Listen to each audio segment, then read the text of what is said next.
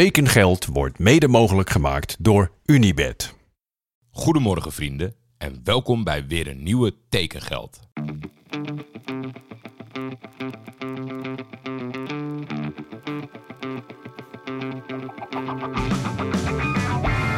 Waar gaat Hilterman naartoe? Ik kan u mededelen dat er overeenstemming is bereikt met Johan Cruijff bij Feyenoord. Navarone voor. Vandaag in andere kleuren, hè? Ja, dat zeker. Dat is wel even wennen natuurlijk. Berghuis een van de meest besproken transfers ooit, denk ik.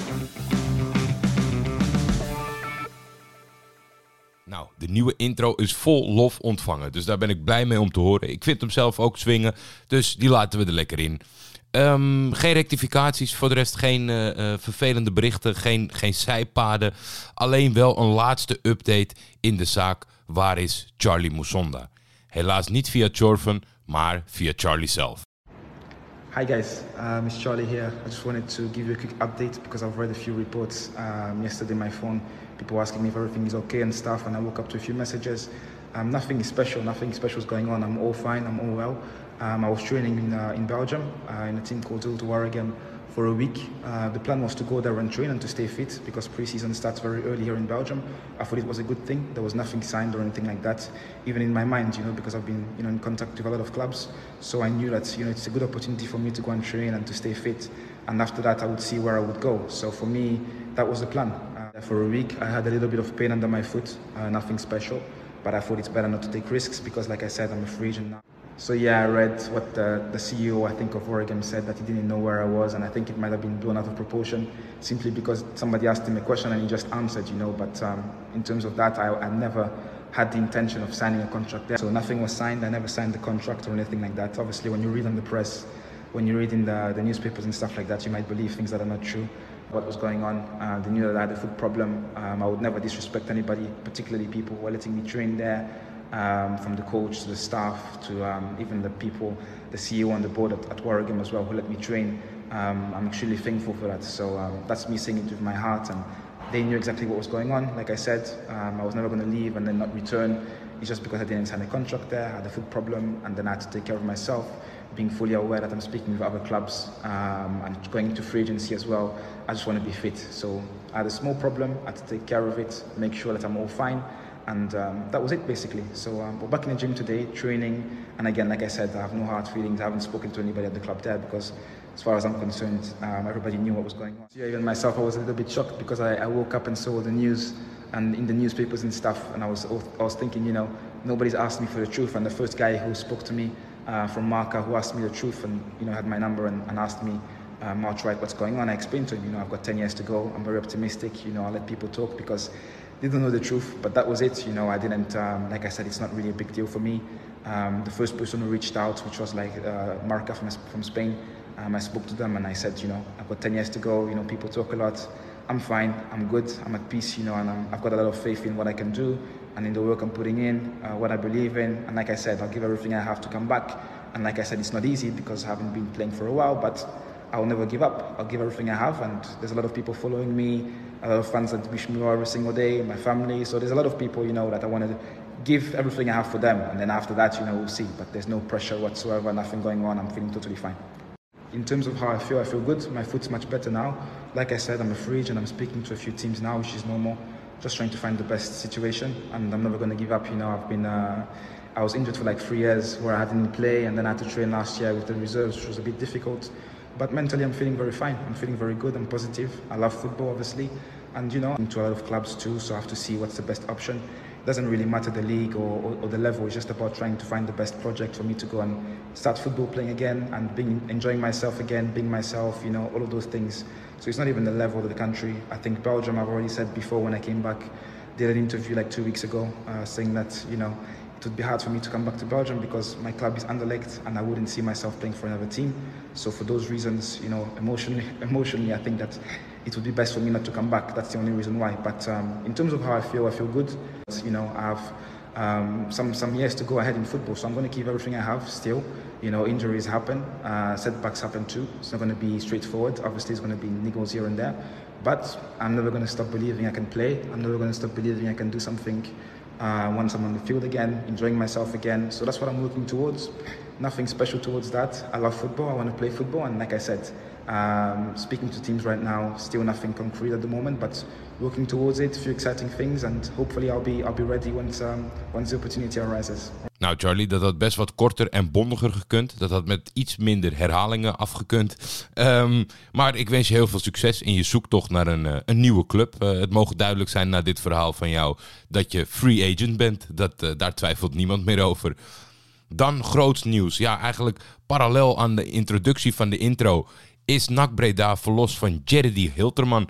Volgens Transfermarkt krijgen ze ongeveer de helft van hun geld terug. En Jerry gaat het proberen bij Almere City.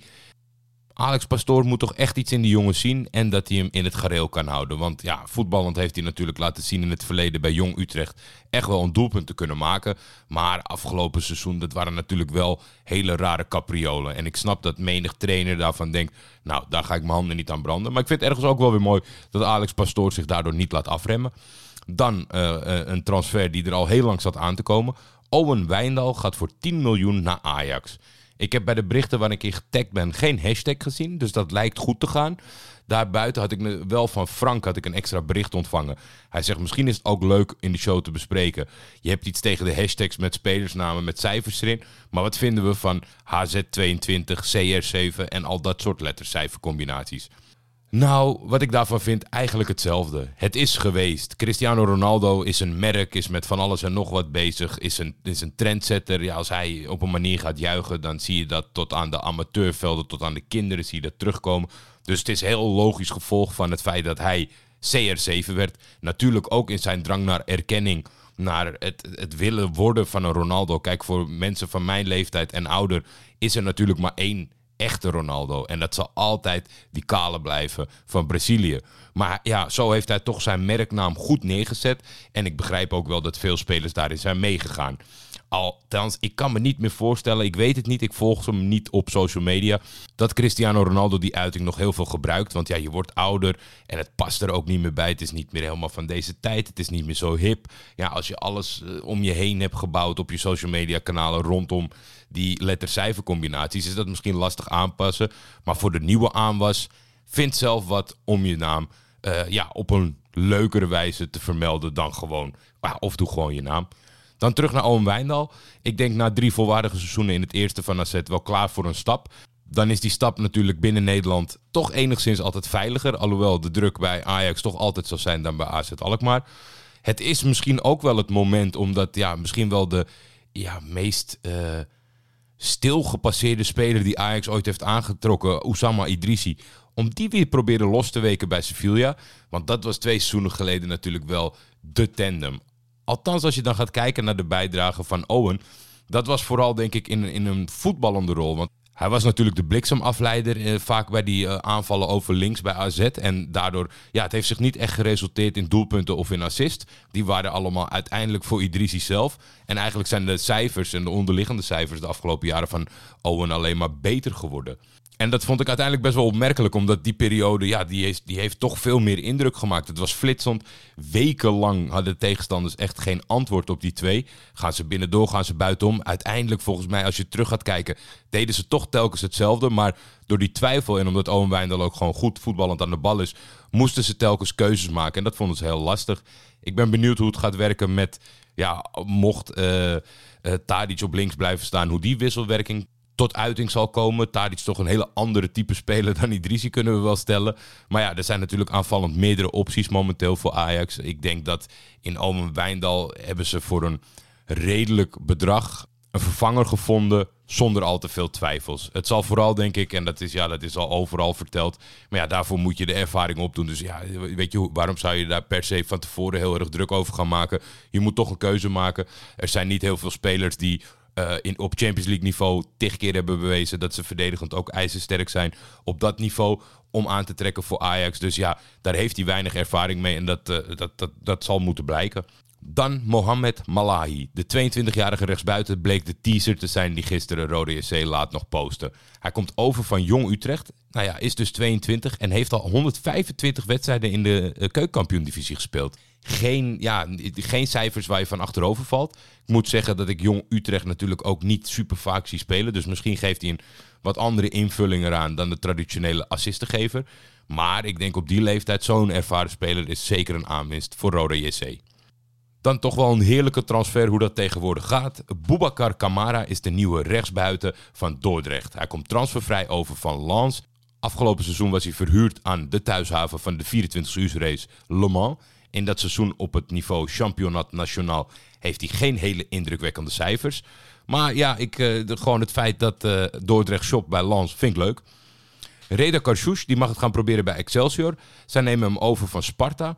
Zijn periode bij Sparta, de kans die hij kreeg, ja, niet helemaal uitgepakt zoals men hoopte. Hij maakte natuurlijk ontzettend veel indruk in zijn debuutseizoen in het profvoetbal bij Telstar. Bij Emmen ging het alweer ietsjes beter. Dus ik vind het wel leuk dat Excelsior hem een kans geeft op het hoogste niveau. Dat hij zich kan revancheren voor dat seizoen bij Sparta, wat niet helemaal goed is uitgepakt. En ja, uiteindelijk valt er meestal niet zoveel af te dingen op het transferbeleid van Excelsior. Dan een schitterende hereniging. Eerder dit seizoen, ik weet niet helemaal zeker of we hem behandeld hebben, misschien in een bijzin. Maar Joep Munsters die vertrok van VVV naar SV Stralen. En zijn tweelingbroer Niek gaat nu mee. Joep is een verdedigende middenvelder en Niek een aanvallende middenvelder.